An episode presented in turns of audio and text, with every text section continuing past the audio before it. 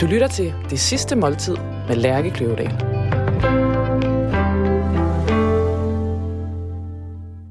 Velkommen til Det Sidste Måltid. Jeg hedder Lærke Kløvedal, og jeg er madanmelder på Politikken og journalist. Hver uge inviterer jeg en gæst til at spise deres sidste måltid sammen med mig. Gæsten har valgt en forret, en hovedret og en dessert, som udgør deres drøm om det sidste måltid. For inden har vi skrevet gæstens nekrolog baseret på fakta og søgninger på nettet. Undervejs i programmet læser jeg nekrologen op for min gæst. På den måde får vi forhåbentlig i fællesskab fundet frem til gæstens eftermæle.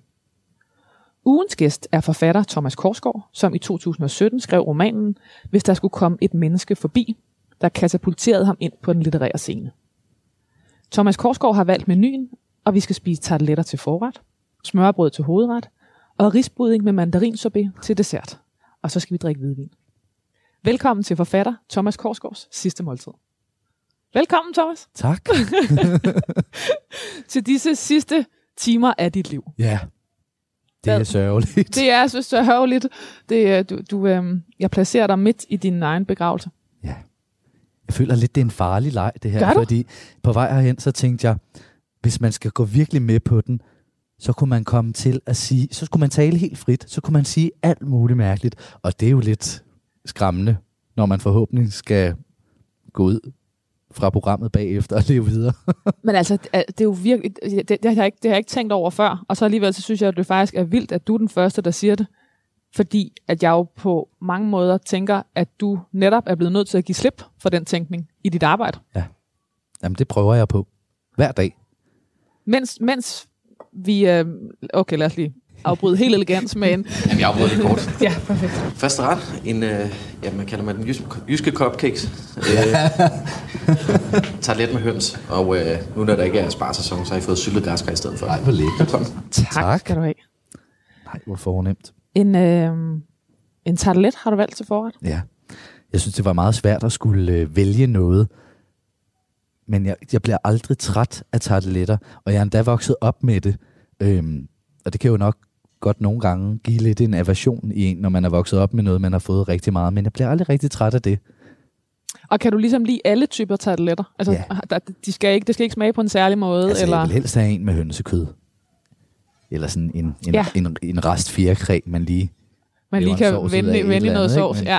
Men det, Jeg, jeg, det synes tit, det skal smage præcis som det smagte, som da man var barn, selvom det måske faktisk var ringe. Ja, Altså Ja. for eksempel, tør jeg sige det her højt? Det tror jeg alligevel, jeg gør. Altså jeg kan faktisk bedst lidt dårlig budding. Ja, men sådan, noget, sådan har ja. jeg det også med, med en del ting. Ja. Altså hvis jeg skal ud og spise smørbrød, som vi skal have senere, Ja. det behøver heller ikke at være et fint sted. Nej. Altså det kan egentlig også godt være, bare være det, som nogen vil kalde håndmadder Ja. til 15 kroner. Jeg vil lige gribe den der. Det er sjovt, at du nævner det der med, at man helt kunne tale helt frit for leveren. mm. Fordi at du øh, i dit forfatterskab, som er det, nogen vil kalde autofiktivt, Mm. eller baseret på virkelige hændelser, men med streg under baseret, Mm. øh, har, har måttet gøre op med det her ret tidligt, Ja. formo- for, formoder jeg. ja. Ja, men på den anden side, så er der jo det, når man skriver, og især skriver romaner, det er, at man kan give slip og være fri inden for nogle rammer, inden for fiktionsrammer. Øhm, og det synes jeg er enormt dejligt, fordi så der er et, øh, og det er ikke fordi, der er jo mange, der tror, og så ændrer man bare lige nogle navne, og så kan man gætte, at, at det navn, det betyder i virkeligheden det navn. Det, det er slet ikke sådan, det foregår, når jeg skriver. Øhm, man kan bruge alt det forfærdelige, man har oplevet i sit liv, øhm, og for mit vedkommende øh, mange ting fra min barndom, ikke? det kan man bruge til at, at lave en bog, som bliver noget helt andet. Så jeg forpligter mig heller ikke på det, men, men, men øhm, ja. Men der er jo alligevel noget helt vildt frit over det, men der er jo ingen, der ved, hvor frit det er. Nej, udover så, eller, eller man kan sige, dem, som vil så forholder dig det, det, ja. Ja. det er jo så dem, du har, havde omkring dig i din ungdom og barndom, Ja. eller hvad? Ja, det har jeg jo prøvet, ikke? Ja. Jo. Øh, det er dit citat, dit eget citat, mm. Hvor du har skrevet eller udtalt til et medie. Den første sætning, jeg skrev til min deb- den første sætning, jeg skrev til min debutroman var, hvis min far døde i morgen. Mm. Den sætning føles så forbudt at skrive. Så jeg tænkte, jeg kan altid slette den igen. Men så stod den der pludselig to år efter, og det var umuligt at pille den ud, fordi bogen ikke ville være noget værd at udgive uden den. Mm. Altså, fordi det er det, jeg... Den, den starter et sted, øh, din, din, din, øh, dine bøger starter med noget, som bliver nødt til at starte i noget, i hvert fald i en eller anden form for sandhed. Ja. Og så bevæger du dig udenom den. Men alligevel så ender den jo med, og, og, og, øh, at sandheden bliver hængende. Ja. Ja, for det er jo også den, man leder efter, når man skriver. Altså, det er ikke, ikke sandheden i den forstand, at man som forfatter leder efter, hvordan var det i virkeligheden, og, og altså sådan den faktuelle sandhed, men sådan den større sandhed om, om hvordan det er at være menneske. Så det kan lyde så prætentiøst, ikke? Og jeg kan huske, da jeg skrev den sæt, det var, det var noget af det allerførste, jeg skrev, og det føltes netop ekstremt forbudt, men der var en kraft i det. Og pludselig så var jeg bare inde i hovedet på den her lille dreng, som, øh, som jeg så har skrevet om, som jo så også minder meget om det barn, jeg selv var, som hele tiden sad i den her desperate familie og tænkte, er det dødsfald, der skal til, før det bliver bedre, det her? Altså sådan, øh, den der følelse af, hvis min far døde i morgen, altså, så vil der ske en katastrofe, det vil være helt forfærdeligt, og det må jeg ikke tænke. Men hvis det skete, vil det så åbne op for, at, altså, at familien kunne øh, starte forfra på en eller anden måde. Det var som om, at det var gået så meget hårdknud, at det var sådan noget, der skulle til. Men så, det der også ligger i den sætning, det var også, at en anden side af samme sag, som jeg også synes, den sætning rummer, det er, at jeg var også enormt bange for, at han ville begå selvmord, fordi det troede han sådan ofte med, hvis, man, hvis det ikke lige gik hans vej. Jeg kan, da, jeg kan da også bare hænge mig, hvis det skulle være.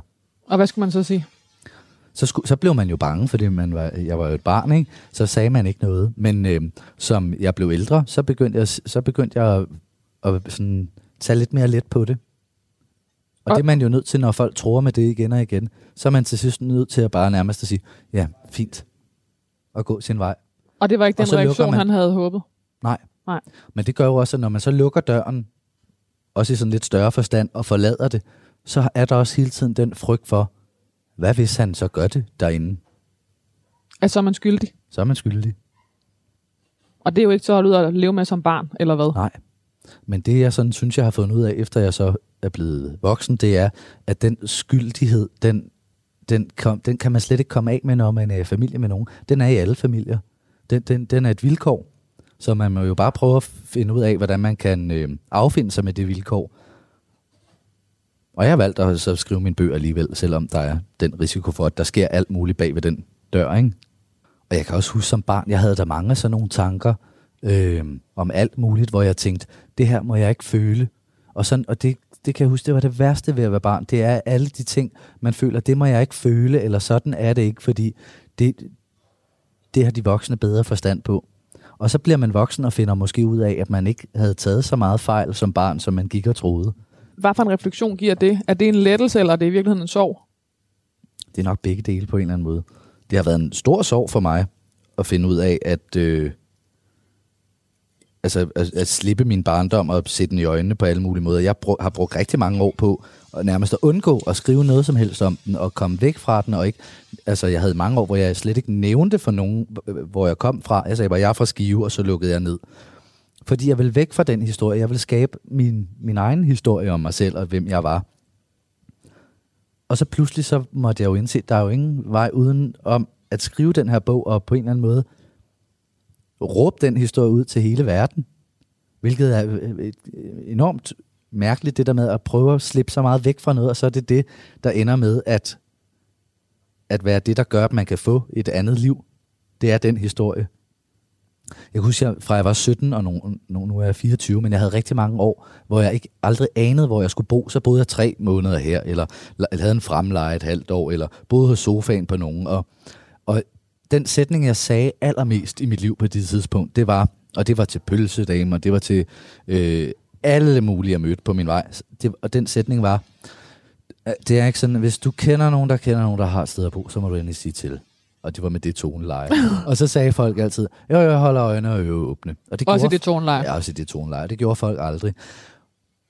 Og så en dag, så holder jeg møde med en redaktør på Lindhardt Ringhof, som gerne vil, øh, som gerne vil øh, have mig til at skrive.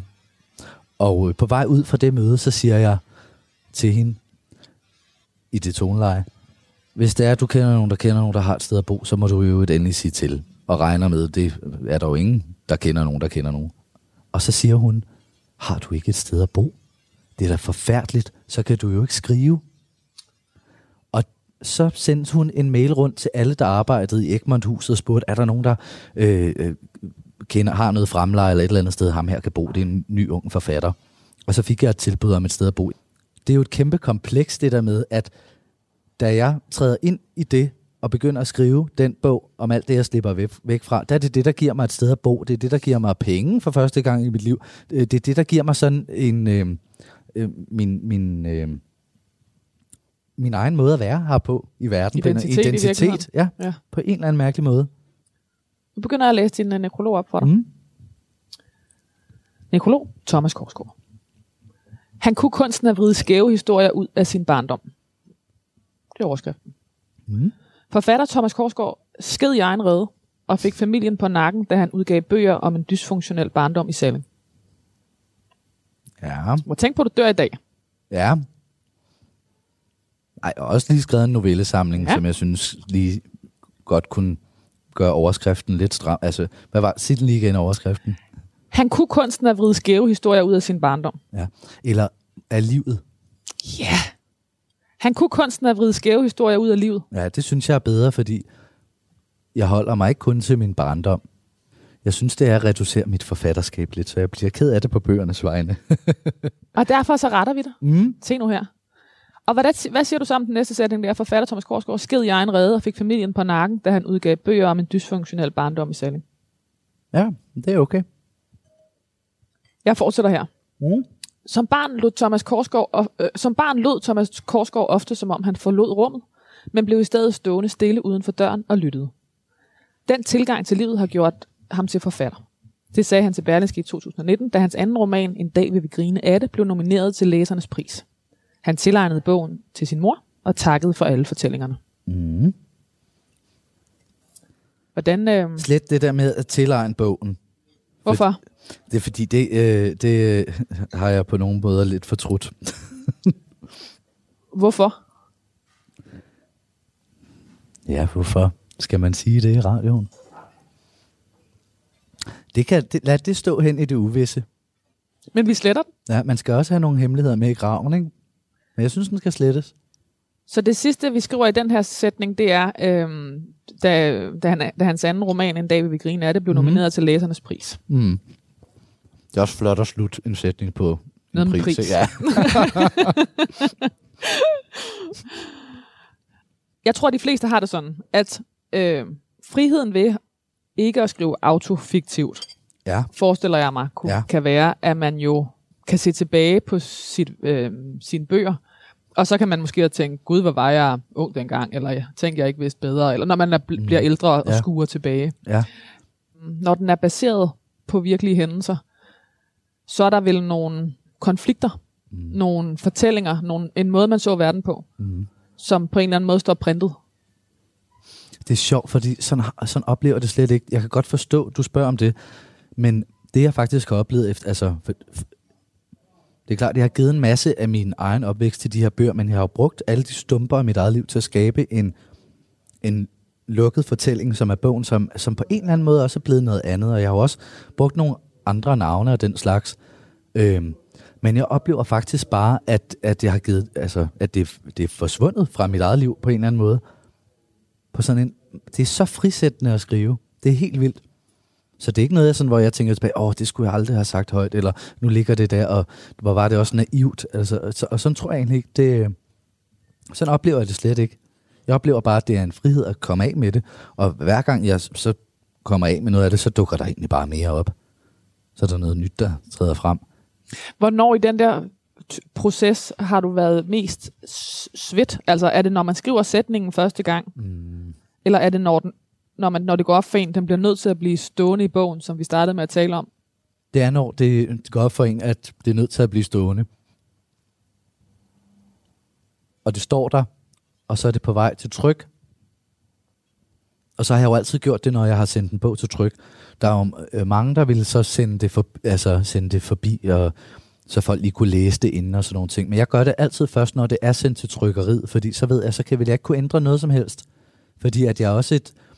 Jeg ved, at hvis jeg sendte min bog, eller manuskriptet til min nye bog til nogen, som så sagde, åh, jeg synes, havde det lidt svært med det her, eller den her sætning, altså, men egentlig også bare, hvis det var helt ukonkret, jeg synes, den jeg havde det, jeg kunne ikke lide den, eller jeg synes, det var lidt mærkeligt, eller udstiller du ikke den person, eller og så videre, så vil jeg være meget let på virkelig, og så vil jeg ende med måske nærmest at droppe hele bogen. Så derfor har jeg altid ventet til, efter den er blevet sendt til tryk, med at vise det til nogen. Og så svider man selvfølgelig. Ja. Men altså, man er jo nødt til at gøre det. Sådan Hvornår føles det. startede det der nødt til? Det startede med den første sætning, hvis min far døde i morgen. Da jeg skrev den, der vidste at det her er jeg nødt til at skrive færdigt. Eller jeg vidste det ikke som i, at jeg kunne forklare, at jeg vidste det, men jeg vidste det et eller andet sted inde i mig selv. Det var en fornemmelse. Det jeg er nødt til at gøre det færdigt. Og det tog to og et halvt år, og det kostede mig en masse penge, fordi jeg, det kræver tid at skrive en bog, og jeg kunne ikke finde ud af at have et arbejde samtidig. Så det var dyrt, men det, det, det kom sig sådan en indre følelse af nødvendighed. Og så tænkte jeg faktisk på, at den sådan, følelse af nødvendighed, den kom også rigtig meget i spil, da jeg flyttede hjemmefra, da jeg var 17. Der, fandt jeg jo, der sad jeg jo og fandt et værelse på nettet i København, jeg kunne lege og skiftede gymnasie selv, og øh, snakkede rigtig med mine, mine forældre om det. Og så sagde jeg en dag, da alt var på plads, nu smutter jeg. Og så flyttede jeg. Og så gik der et par uger, så skrev de, øh, hvornår kommer du egentlig hjem? Men det var sådan en følelse, altså det var sådan en følelse af, nu må jeg flygte nærmest, ikke? Øhm, Flygte eller dø, ja. siger jeg. Det er meget eller, dramatisk. Ja, men sådan føltes det. Flygte eller dø, det er rigtigt. Og det var jo nok ikke der, det var endt, men det var døden på en eller anden måde, at, at blive i det. At blive den desperat. Altså, jeg er vokset op i, i et ret desperat og fattigt og, og til dels også voldeligt hjem. Og det er jo ikke rart at være i i længden. Det må man jo ud af på en eller anden måde. Og jeg stak af. Men det er jo Og- også det der, hvornår kommer den der nødt til i en, i en, i en, i en dysfunktionel, har været ordet, der også har været brugt mange gange, Ja. en dysfunktionel barndom. Ja. For mig trådte det frem, da jeg blev 17, fordi så det der med at være 11 i det, og, og, hvordan skal man flytte hjemmefra, når man er 11? Man har ingen penge, man er bare et lille barn. Men så var jeg blevet, og så, så hvert år til min fødselsdag, der tænkte jeg, nu er der et år mindre til at blive 18. Og da jeg så blev 17, så tænkte jeg over det igen, nu er der et år til at blive 18. Men nej, på en måde, på en måde er det jo, kunne man godt gøre det nu? Og jeg var enormt bange for det, fordi altså, man er ret lille, når man er 17. Jeg følte, jeg var meget voksen. altså, jeg, jeg havde at være barn på alle måder. Så for mig var det sådan en lettelse endelig at bare blive et skridt på tættere, et år tættere på at være en alder, hvor man begyndte at kunne kalde sig voksen. Det kan man ikke rigtig som 17, men, men det der med at komme bare lidt tættere på det, det var så befriende. Thomas Korsgaard blev født i Viborg i 1995 og voksede op på landet i en socialt udsat familie. Mm. Som 17-årig flygtede Thomas Korsgaard til København, hvor han efter gymnasiet skrev artikler og essays for blandt andet Dagbladet Information og netmediet Zetland. Jeg tænkte på det der ord flygtede, det lyder så dramatisk, men det var det jo også, så den synes jeg, vi skal lade stå. Og, og så var det det med at skrive for information af Zetland. Altså, Ja, det kan være, at jeg lige skal skrive næste sætning, mm. så kan det være, det giver, eller læse næste sætning, skal det være, det giver mere mening. Han troede, han skulle være journalist, men blev syg af stress over de krav, der var forbundet med journalistfaget. mm, Han flyttede ind i en vens kælder i Aarhus og gik i gang med at skrive sin første bog. Altså, jeg øvede mig jo meget på at skrive, men det var jo alle mulige steder. Det er jo en ret vigtig del af min historie, synes jeg, at jeg, at jeg brugte nogle år på at øve mig, og troede, at jeg skulle være journalist, for det, det var sådan, det var. Er der et pladskrav i det store hele på, hvor lang den her nekrolog må være? Den her er den eneste gang, du får lov til at fylde alt, hvad du vil, uden det okay, koster noget. skønt. Så synes jeg bare, vi skal lade det stå. Det er jo også to Fordi meget det var, fordi jeg vil sige, steder. Ja, det er det bestemt. Ja. Og så stod der videre en vens kælder i Aarhus. Det var faktisk i, i Hellerup hos en vens forældres. Og sådan noget kan jo godt betyde noget, fordi man mm. tænker eller det ved jeg ikke, med taknemmelighed på, ja. På det menneske, man... Ja. Eller det, det, Jamen, det er meget vigtigt for mig, at det, det, det står klart, fordi det er virkelig en, øh, en vigtig... øh, En vens forældres kælder ja. i Hellerup. Ja. det lyder slet ikke langt ude. Yes, og nu kommer der noget vildt på tallerkenen. Ej, hvor dejligt. Nu skal I have noget smørbrød. Der er mad med tatar og en mad med roast beef. Og ikke blom ved siden, hvis man er det til det, ikke? Det er man totalt. Ej, hvor ser det Det godt er min ud. livret, det her. Thomas, hvad er det? Det er smørbrød. Og, du- men du har været specifik omkring, hvad for noget Ja. ja. spørgebrød det skulle være. Det var fordi, jeg tænkte, hvis nu hvor man skal dø, Ja. ja. så kan man lige så godt gå all in på kødfronten. Ja. Og jeg elsker tatar og roast beef. Jeg, kan, og, altså, jeg, kan spi, jeg spiser nærmest smør og brød flere gange i ugen. Jeg bliver aldrig træt af det. Aldrig nogensinde. Det er en, øh, det er en fast følgesvend. Ja, virkelig. Øhm, og den her, den er lavet sådan med lidt øh, grov tartar, tror jeg, Albert Ja. har lavet. Og så øh, med den her æggeblomme på siden, som vi jo kan pøse ud over. Ja, så vi vælter os i protein og andet godt. og en roast beef med en remoulade og lidt øh, peberrød på toppen. Er det, er det forkert at skrive, at du blev syg af stress? Nej, det gjorde jeg. Stress og angst. Altså, jeg havde været virkelig nede at skrabe. Hvad hedder sådan noget? Rock bottom. Ja, fuldstændigt. Så det synes jeg, det er fint nok. Det er også... øh, Og hvad var det? det var, fordi, altså, det var vel dejligt at få lov til at blive udgivet, og, ja. eller hvordan var det? Hvordan var, hvordan, øh, var dit det liv synes der? jeg egentlig ikke, det var, fordi det var ikke ting, jeg kunne stå inden for. Jeg f- havde et øh, job på øh, Metro Express. Et, øh, et reporterjob. Altså, jeg var 19 år gammel og havde fået sådan en rigtig journaliststilling med mange penge i måneden og fri telefon og pis og lort. Og så kunne jeg bare ikke finde ud af det. Eller det kunne jeg måske godt, men jeg sad hver dag, og så sad jeg og skrev mine artikler, som hed Dyrepasser i chok, disse valpe efterladt i skrald.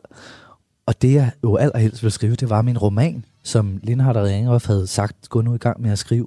Men så jeg kunne ikke, fordi det var som om, at jeg skulle ud og finde hele alfabetet til at kunne skrive den bog. Og det tager lidt tid, især når man har levet sådan et, en, en, en opvækst helt uden sprog, og så vil til at skrive om den. Altså så, der går lidt tid, før man finder sin stemme, og det må man jo også bare have tålmodighed med.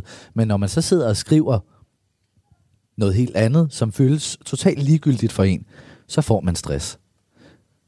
Generelt har jeg tit tænkt på det her med, at hvordan man, nogle gange så kan man arbejde jo nærmest 16 timer i døgnet, uden at gå ned med stress, hvis det er noget, som man bare elsker.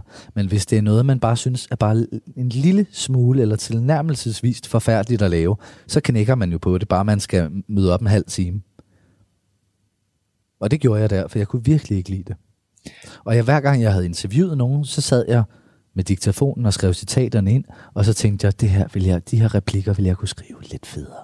Så du var i virkeligheden på researcharbejde Ja, på en eller anden måde i livet. i livet.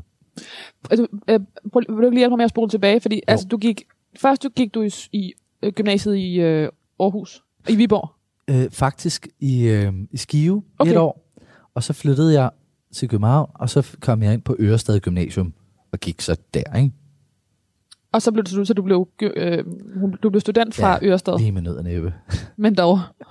Og så, og hvordan fik du, hvad skete der så? Hvordan, hvordan, hvad var ligesom, Jamen, så havde jeg, så flyttede jeg rundt og havde, så var jeg lidt i politikens boghal som Nå, hvor- ekspedient og handicaphjælper og øh, samlede nogle øh, badges for Bibelselskabet en week. Altså virkelig bare alle mulige chancer.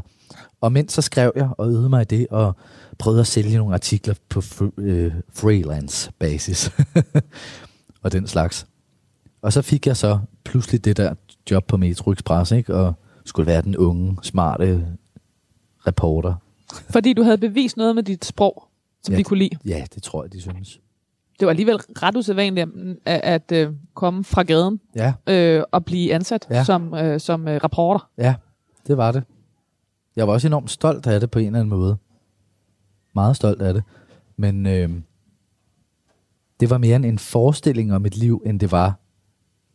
Altså, da det kom til stykket, så, ja, som sagt, jeg brød mig ikke om det. Hvordan har det været i dit liv, øh, og nu bruger jeg ligesom dine egne ord, at, øh, at vokse op i en familie uden et sprog? Hvordan, når man selv tydeligvis er så fyldt med sprog, hvordan fandt du ud af det? Ja, hvordan? Altså, det har jo altid været der på en eller anden mærkelig måde alligevel, fordi der er altid blevet, ta- blevet fortalt historier og lavet rigtig mange vidigheder.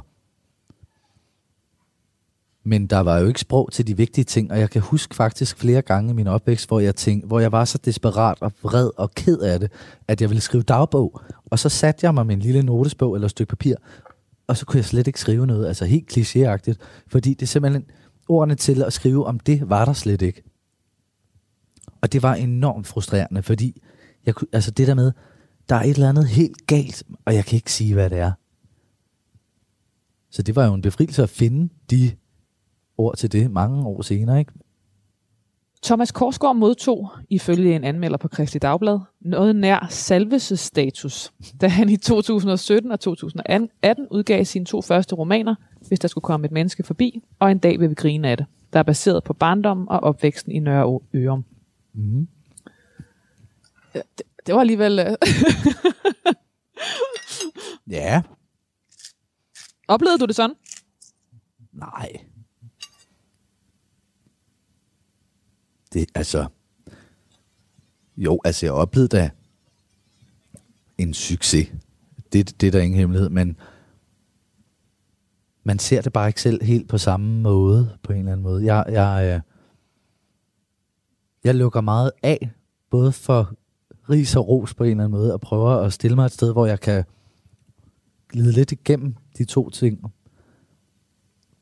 Men det er klart, altså, det, det, jo, jeg har da oplevet det på nogle måder, men jeg ved ikke, man bliver også så forvent med sådan noget der.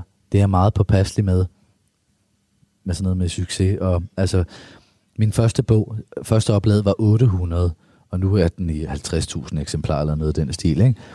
Og så synes man, ej, kun halv, kan man, man, hvorfor ikke 100? Altså, man nok mere, mere vil have mere, ikke? Sådan er det jo bare altid. Ja, og det der med, hvad er succes? Og hvad er succes? det, og, og, og det er på en måde ikke det, jeg leder efter. Det er ikke derfor, jeg gør det. Det synes jeg, der er sådan en kæmpe... Dem, der er på min alder, alle higer sådan efter succes. Men jeg tror, det er Susanne Brygger, som jeg beundrer meget. Hun siger, al succes udspringer af fiasko, hvilket er rigtigt. De to bøger, de er, de er blevet til på grund og på, altså på trods af en, en barndom, som, var, som man på en måde jo helst ville være foruden, ikke? Og sådan er det jo altid. Det kommer jo altid ud af, et, af at man er blevet nedtrykt, eller skubbet tilbage, eller nogen har sagt, det, du, det kan du ikke finde ud af, så skal man bevise det, ikke? Sådan er det tit i hvert fald. Så det der med at hige efter succesen, det er så ærgerligt, fordi det må jo ikke være det, der er målet. Det må jo bare være en dejlig lille, et dejligt lille vindpus, der kommer ud af det arbejde, man forhåbentlig godt kan lide at lave. Jeg synes jo, folk skulle slappe lidt af, ikke? Giver det mening? Ja. Altså, når, de, når der kommer sådan... Altså, jeg synes også, det er der, altså, jeg øh, bliver jo også, der er jo også en side af mig, som, altså, jeg, jeg trives så godt på ros. Jeg skriver godt på anerkendelse ros, at nogen siger, at jeg er dygtig og sprogligt godt begavet, og alle de der ting. Det er helt, altså helt klart, jeg skriver bedst på det, og ikke på at blive tvinet til. Men jeg kan også få sådan, der kommer også sådan noget op i mig, som er sådan, prøv, nu slapper vi lige fuldstændig. Altså sådan, lad nu være med at blive revet med af hype og alt det der.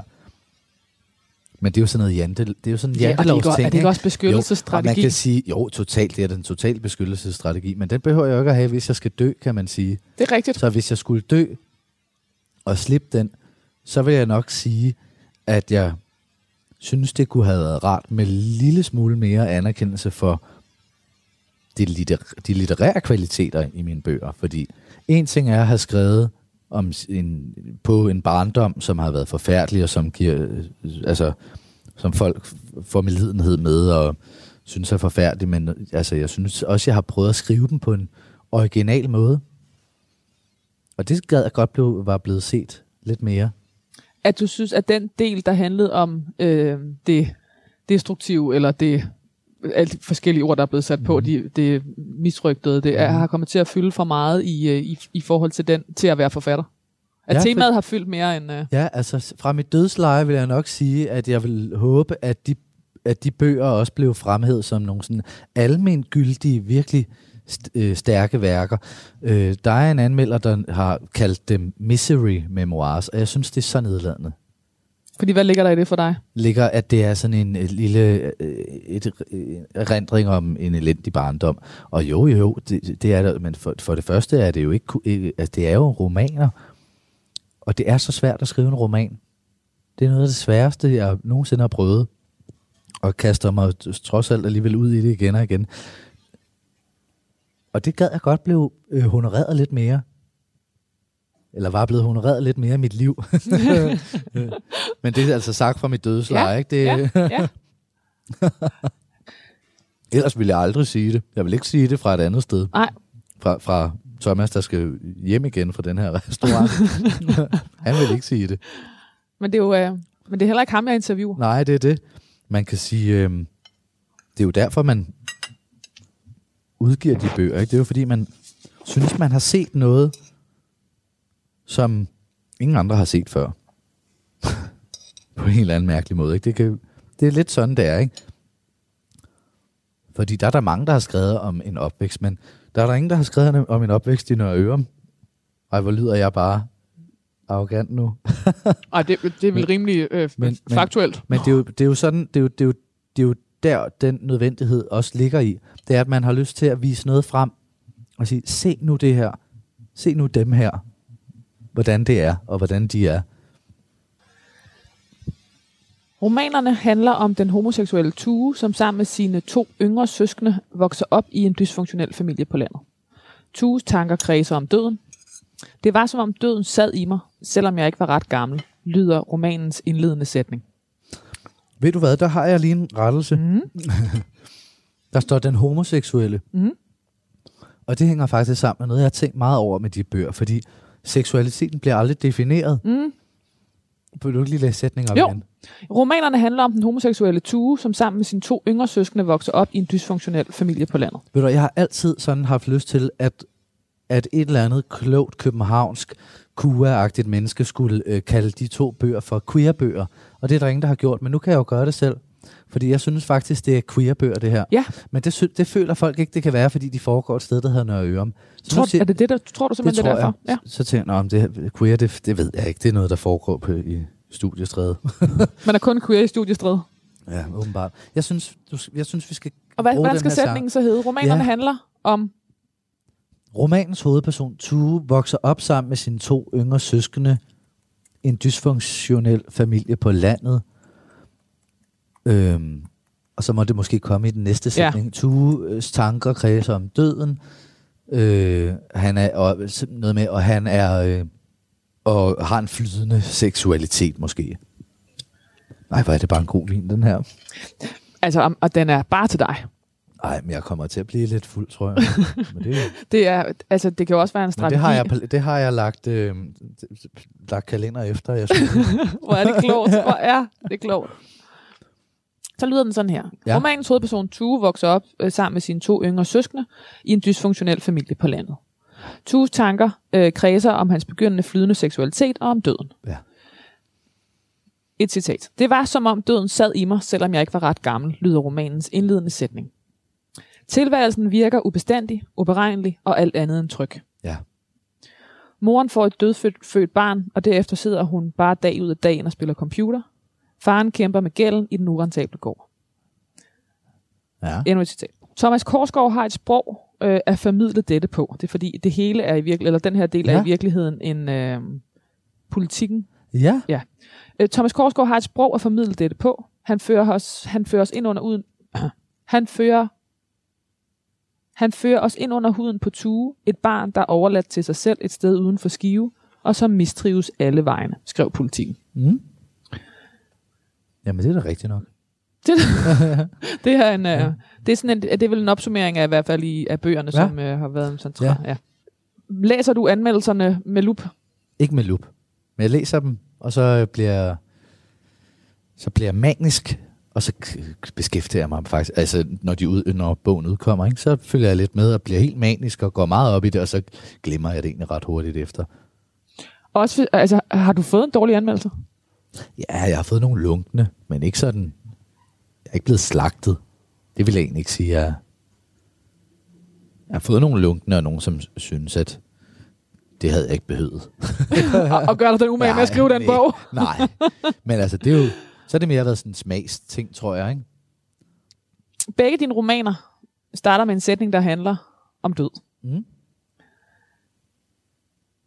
Du har fortalt, at din, at din far troede med at dø. Ja. Men hvordan var døden ellers et tema? Den var et virkelig stærkt tema, fordi at vi, øh, vi ikke måtte tale om den. Mine forældre mistede ligesom Tue, min romanfigur, et barn, da jeg var 6 år gammel. Og øh, det skete på den måde, at min mor var på hospitalet i 14 dage, og øh, hver gang jeg spurgte, hvor er mor henne, så øh, var der ingen, der ville svare på det. Indtil der så var gået 14 dage, og vi fik at vide af vores moster, at om hun har mistet det her barn. Og det, så blev det barn begravet, og så var det noget, man helst ikke skulle tale om siden. Så døden var der som en, øh, i form af en sorg, som var tydelig i alles øjne og i hele stemningen, men som ingen nogensinde nævnte siden. Er du selv bange for at dø? Det kommer an på, hvordan jeg har det. Hvis jeg har det virkelig, virkelig godt og sjovt, og er i gang med en god bog, eller altså som jeg er i gang med at skrive en bog eller et eller andet, så tænker jeg, at det vil være fuldstændig forfærdeligt. Men hvis jeg har min, øh, en tung, deprimeret dag, så tænker jeg, kom med det. det kommer virkelig også an på, hvilken slags død det skulle være. Ikke? Altså, det bedste vil jo netop være at blive revet væk i sådan et lykkeligt øjeblik på en eller anden måde, hvis det skulle være. Bøgerne tog læserne med storm. Mm. Thomas Korsgaard havde i det tragikomiske, detaljeorienterede, bizarre og nøgtern konstaterende fundet sit eget sprog. Mm. Han modtog til med en hilsen fra landets daværende statsminister, Lars Løkke Rasmussen, som havde læst med. Mm. Løkke takkede for indsigten i en dansk barndom, hvor fattigdom i mindre grad er en materiel ting, men i større grad er fravær af menneskeligt overskud og omsorg.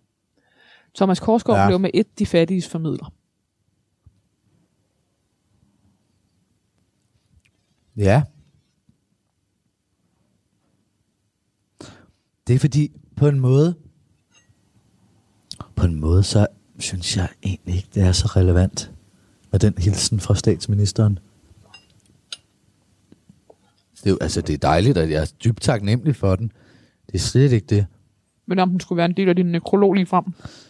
Nej, fordi så vil jeg hellere, så, altså, jeg fik også ros af Susanne Brygger, det ville jeg på en måde hellere have skulle stå der så, ikke? Fordi hun er virkelig et forbillede for mig.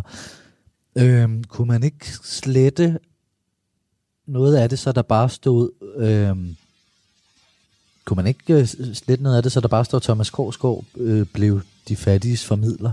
Vil du, vil du gerne være ja, det? det vil jeg gerne være, ja. Det er, den, det er, det er jeg meget optaget af at undersøge i alle mine bøger.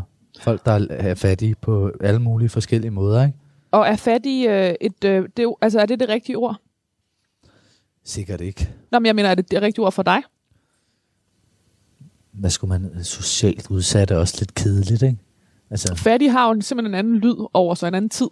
ja, det har det nemlig. Ja. Jeg, Altså, tænker som med jeg det også- Samme, jeg tænker med det samme på sådan noget Knud Hamsun, Sult og sådan noget, Ja. ikke? Og Matador. Ja, eller Jeppe Aukjær. Ja, eller ja. Jeppe Aukjær, ja. Øh, men jeg synes, nej, ved du det bruger vi. Fordi det, der er fattige mennesker. Jeg synes også, der er noget ved at insistere på at bruge det ord. Der er også noget med at pege på det og sige, det er ikke noget, der er forbi. Altså, der, det synes, der, det er lige ja. netop. Så det synes jeg faktisk, vi skal gøre. Men nej, nu, og der må, lad os beholde det med Lars kom. Lykke. Det er fint nok. Nå, okay. Ja, måske er det fint nok. Det er fordi, jeg hele tiden har lyst til at skære ind. Du vil gerne gøre den lidt strammere. Jeg gør den lidt du vil strammere, gerne ja. gøre den der nekrolog Ja. lidt strammere. Ja, på en eller anden måde. og undskyld, det er en arbejdsskade. Jeg gør det jo hver dag. Sidder jeg, "Ah, ej, kan det undværes? Ja, slet. Og til sidst er der øh, tre ord tilbage, ikke? Men hvad ud af vindes tabes indad? På trods af de erklærede autofiktive romaner, chokeres familien over Korsgaards fort- fortællinger. Ja. De deler ikke den erindring om barndommen, som forfatteren beskriver i romanerne og adskillige interviews. Og de ser ikke hinanden herefter. Ej, ud med det. Er det, øh, er det for stor en pris at betale for... Øh, Ej, det, ved du hvad, det vidste jeg godt. De skal ikke med i... De, de er lige meget. det, synes jeg, det synes jeg i det store hele er sådan en lille ting. konflikten? Ja, jeg har haft et dejligt liv. Det gider jeg ikke spille mine kræfter på. Nej. Det var en smuk sætning at sige, mens desserten kom. Ja, ej, hvor er det dejligt det her. Ej, så er det flot ud, Alban. Så er det tid til risbydning. En uh, mandarin sorbet og lidt uh, hvad det, tørre solbær på toppen. Tak. Hvor lækkert. Hvor- hva- Hvorfor? Det, Men det, det synes jeg er fordi, Jeg sjovt. smagte det her i Norge, og så blev jeg fuldstændig vild med det. Altså i den her kombination? Ja, Nej, jeg hvor- blev så vild ja, med det. det er skønt. Det smagte så godt. Det var et sted, der hedder Lysebu. Ja. Kender du det? Mm. Så fint og rigt sted. Mm. Og der var jeg fem dage, øh, og havde fået sådan en skriveophold af dem for at, for at læse op og holde sådan en lille foredrag. Og så sad jeg og skrev derop, og det var bare så luksuriøst. Jeg har lavet. Det er også mærkeligt, det der forfatterliv, at man... Den ene dag, så sidder man derhjemme sammen med sine visne planter og alle støvmiderne og sin computer og prøver at finde på et eller andet. Og smører sig en æggemad til frokost, og så er det sådan lidt og ryger indenfor, der bliver mere og mere ulækkert for hver dag, der går. Og man opdager, at man har de samme strømper på som i går. Og næste dag, så bliver man fetiseret af nogen, som synes, det er så spændende. det er så underligt, ikke? Hvordan? Så skal man til Lysebu og spise risbud, ikke? Hvordan, altså, tri- trives du godt i det øh, skift? Hvad er det nok? Jeg kan da godt lide lidt glamour en gang imellem. Det er så sjældent. Men du kan også godt lide at komme hjem til den visne plante. ja, ja, ja. Det kan jeg nemlig godt. Jeg vil da helst være der, ikke? Derhjemme eller i Lysebu? Derhjemme. Nå, okay. Ja. Ej, jeg elskede Lysebu. Jeg var så glad for at få det ophold. Men øh, det er bare nogle sjove skift, ikke? Mm. Eller bogformer ud på, på messer, og der er så meget gang i den. Altså, der er bare så mange skift, men jeg elsker det der omskiftelige. Det passer godt til alle de personer, jeg har i mig, ikke? Jeg har jo både en meget ekstrovert person i mig, og en meget introvert person i mig, ikke? Og den ekstroverte, den vil gerne på bogforum og ud og holde foredrag og sidde her og snakke med dig. Og den introverte vil bare gerne sidde og skrive en bog. Nu læser jeg den sidste sekvens for dig. Mm. I 2019 udgav Thomas Korsgaard novellesamlingen Tyverier, hvor han forlader Tue af barndommen og opvæksten i Nørre Ørum. 15 fortællinger om at stjæle ting og sager og liste hemmeligheder ud af folk, uden at det nogensinde bliver opdaget, som bogens bagside beskriver den. Ja. Bogen anmeldes overvældende af anmelderne. Mm. Og så til sidst så står der, æret være hans minde. Nå. Jeg synes, inden æret været hans minde, så skal der stå, øh, han var nået et godt stykke ind i processen med en ny roman, og så også noget med, øh, fordi det er faktisk lidt sjovt, vi skal sidde her og snakke om øh, nekrolog og mulig død, fordi jeg er i gang med at, at øh, få lavet et testamente. Hvorfor?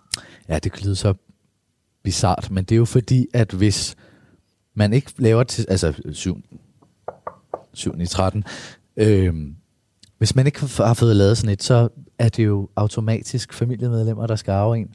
Og ikke, at der er ret meget arve for mit vedkommende, men der er nogle rettigheder til nogle bøger, og øh, øh, dem vil jeg ikke give til nogen, som synes, at de bøger ikke skal findes. Så jeg vil alle et testamente. Det kunne man jo også nævne.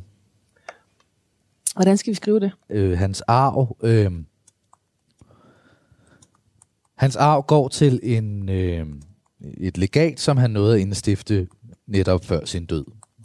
Legatet vil blive varetaget af forlagsfolk, folk fra hans agentur og enkelte venner. Så kan de kraftede med lære det.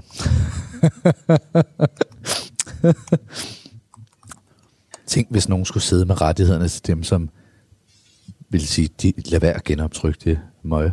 Pille det af hylderne. Som ikke havde nogen interesse i, Mhm. at øh, det forfatterskab øh, findes. Det gik op for mig for et stykke tid siden, så gik jeg i gang med at prøve at sætte det i værk. Det ville da være forfærdeligt.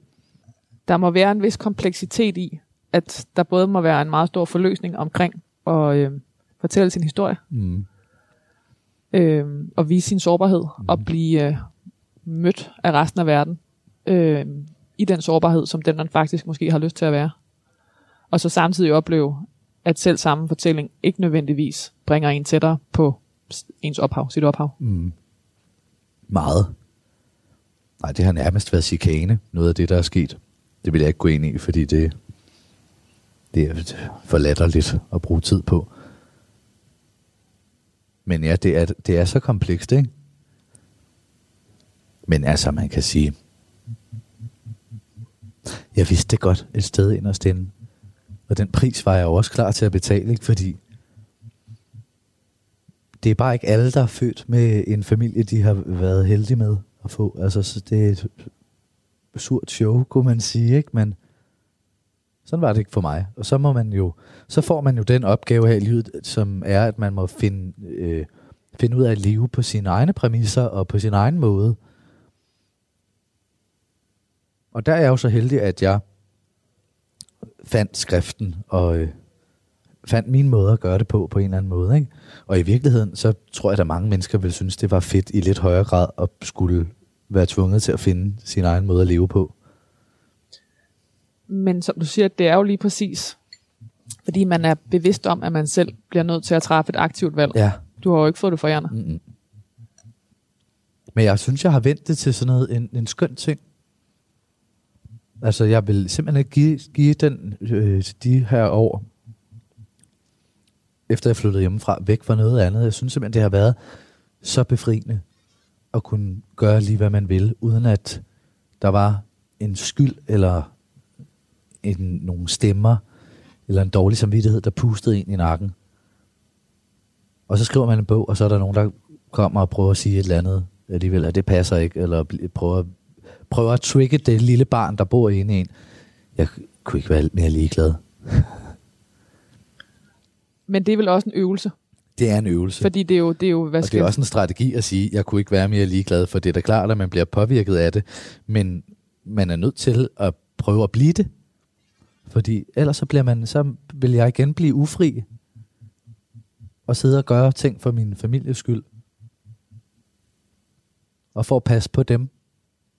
Og det vil jeg også gerne. Jeg gør ikke noget for at skade dem. Men jeg er nødt til at prøve at øh, finde min egen... Man skal finde sin egen vej, ikke? Og det er sådan nogle store ord, men det er jo også nogle store temaer. nu bliver jeg så bange for at lyde som øh, en elevrådsformand. Synes du, du har den klang? Nej, men jeg blev bare kaldt bagmanden hele min folkeskoletid, så jeg, der er, det er noget, der sidder i mig. Hvad lå det der i det? Det var, at jeg var elevrådsformand og ekstremt bedrevidende. Så kaldte de mig bagmanden. Altså i stedet for bedre viden, den bedre, bedre vidne, så, så var det bare bagmanden. Bagmanden, ja. Når det er så sagt, så synes jeg også, det er meget godt fundet på. Bagmanden. Er der noget, vi, øh, vi mangler? Godt spørgsmål. Ja. Øh, så skulle det være sådan noget på det lidt mere personlige plan. Det er jo meget fagligt, hvilket jeg synes er faktisk rigtig dejligt. Der er også, der er også typisk sådan en, han efterlader. Og så er det typisk, hvis man har børn eller familie. ja, eller, det jeg jo ikke rigtigt. det jeg ikke skrevet ind. Nej. Det er, du, det, er du, det er du for ung til. Du er simpelthen død Ja. ja. for ung til, Ja. at, du kunne, at du kan efterlade dig en Ja. familie. Men det er også trist at skrive, at han efterlader sig ikke nogen. så er det bedre bare at droppe den, ikke? ja. øh. Må jeg ikke lige høre starten? Ikke? Bare den første Jo. sætning igen. Nu kan jeg mærke, at jeg øh, bliver tvivl. Altså, nu bevæger mig sådan noget, hvor, bev- hvor har jeg været for beskeden, og skal jeg lige nå at smøre lidt mere på? Ja, men smør løs. Jeg tror ikke, jeg har været for beskeden. Han kunne kunsten at vride skæve historier ud af livet. ja. Forfatter Thomas Korsgaard sked i egen rede og fik øh, familien på nakken, da han udgav bøger om en dysfunktionel barndom i Salling. Nu kan jeg bare mærke, at der kommer sådan noget op øh, på falderæbet, hvor jeg har fået lyst til at så sige noget andet godt om mig selv. Og det er, at jeg synes, jeg synes, og det har jeg næsten lyst til, skal være helt oppe i rubrikken, at jeg, øh, fordi det synes jeg faktisk kendetegner både mine venskaber og mine bøger. Jeg synes, at jeg, jeg synes, jeg ser mennesker. Det synes jeg er meget væsentligt at få sige med. det? Det er meget, meget væsentligt. Ja. Og man kan sige, det kommer jo til at se ud, som om du har skrevet det. Så, Så, så, du- så du, altså basically kan jeg jo give dig Ja. med hjem, så kan du Ja, aflevere den i morgen, og pludselig... Øhm, Øhm, det synes jeg er meget væsentligt. men det er fordi, også en kedelig rubrik, han så for, øh, folk. Jamen, hvad Det er skal vi så gøre den bedre? Øhm, det er jo noget med det der med at kunne... Det er jo det her, der er det svære ved det, fordi der er bare nogle ting om, altså, om sig selv, man ikke kan sige. Han så igennem mennesker, og det... Ej, hvor bliver jeg simpelthen så flov over mig selv. Er, Det der, her- an- er der andre, der Ja, har været det sådan kan her? jeg love dig det for. er godt. det byder mig meget imod at være sådan her, men øh, Ja, men nu er det jo det, du, du er blevet indbudt til. ja, men det er rigtigt nok. Du bliver indbudt til at tale pænt om dig selv. Det er rigtigt nok. Han tog igennem folks øh, facader og små, sku, øh, små skuespil. Og det må jeg bare sige, det er jo noget af det, jeg synes så har været en af de dejlige ting med den barndom, det er, at fordi der var fandme meget falskhed og skuespil, og nogen, der udgav sig for at være noget, de så ikke var. Og det er jeg bare blevet så vaccineret over for. Af venner og kollegaer omtales han som et generøst, humoristisk, optimistisk menneske og en dygtig læser. Han var, han var netop han var netop nået et godt stykke ind i processen med en ny roman. Som kredser, og hvad handler romanen om Det som vil jeg ikke kreds? sige. Han var netop nået et godt stykke ind i processen med en ny roman. Som hans... Øh, ja, hvad sker der med... Ja, filan gør vi med den. Ved du hvad? Så siger vi, at jeg lige næsten var blevet færdig med den, så den godt kunne nå udkom. Han havde netop færdiggjort arbejdet med en ny roman, Ja. som ventes udgivet senere på året. Hvad hedder den? Det ved aner det ikke endnu. Okay. Jeg har ikke en titel. Hans arv går til et legat, som han nåede at indstifte før sin død. Legatet vil blive varetaget af hans forlag, hans agentur og enkelte venner. Ja. Måske jeg har en rettelse til. Af venner, elskere og Ja. ja. kollegaer. De skal da også nævnes. Ved du Også hvad? fordi så ved de, de er velkomne til begravelsen. Det er simpelthen en lille, øh, det, Ja. det er en lille info. Ja. Og, lejli- og lejlighedsvis drukfældig. Men det reducerede ham aldrig til andet end, eller hvad hedder åh, det gjorde ham aldrig til ikke en ikke elsket person og en dygtig læser, eller og en dygtig forfatter måske. Tror du, jeg ville få en nekrolog i avisen, hvis jeg døde rigtigt? Det vil du helt sikkert. Er det rigtigt? Det vil du. Det er mærkeligt at tænke på, ikke? Uh, ja. Thomas Korsgaard, øh, tak fordi du ville øh, være min gæst. Det ville jeg. Det var en fornøjelse. Skål. Skål.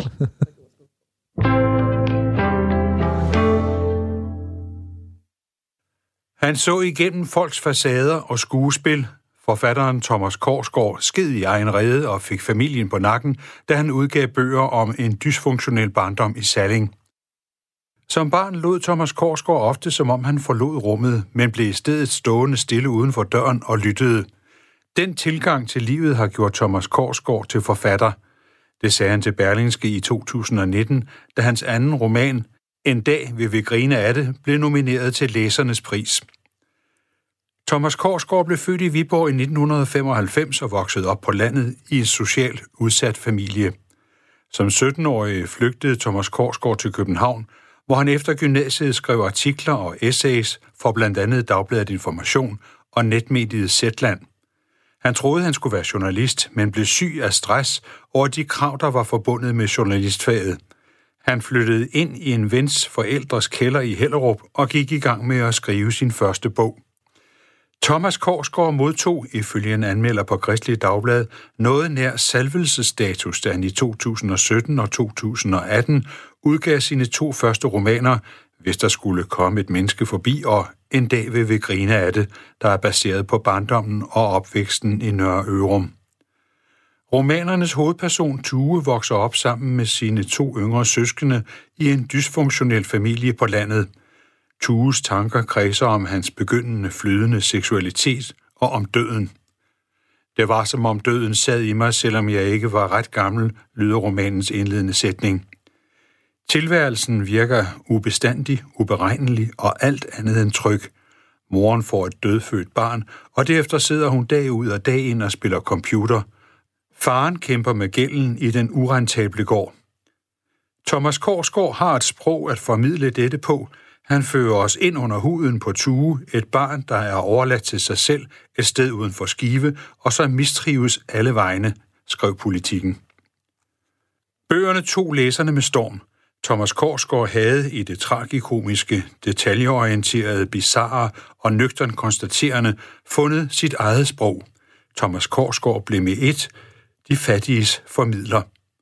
Han modtog til med en hilsen fra landets daværende statsminister Lars Løkke Rasmussen, som havde læst med. Løkke takkede for indsigten i en dansk barndom, hvor fattigdom i mindre grad er en materiel ting, men i større grad fravær af menneskelig overskud og omsorg, skrev statsministeren. I 2019 udgav Thomas Krogsgaard novellesamlingen Tyverier, hvor han forlader Tue og barndommen og opvæksten i Nørre Ørum. 15 fortællinger om at stjæle ting og sager og liste hemmeligheder ud af folk, uden at det nogensinde blev opdaget, som bogens bagside beskriver det. Bogen fik overvældende anmeldelser. Ved sin død havde Thomas Korsgaard netop færdiggjort arbejdet med en ny roman, som ventes udgivet senere på året.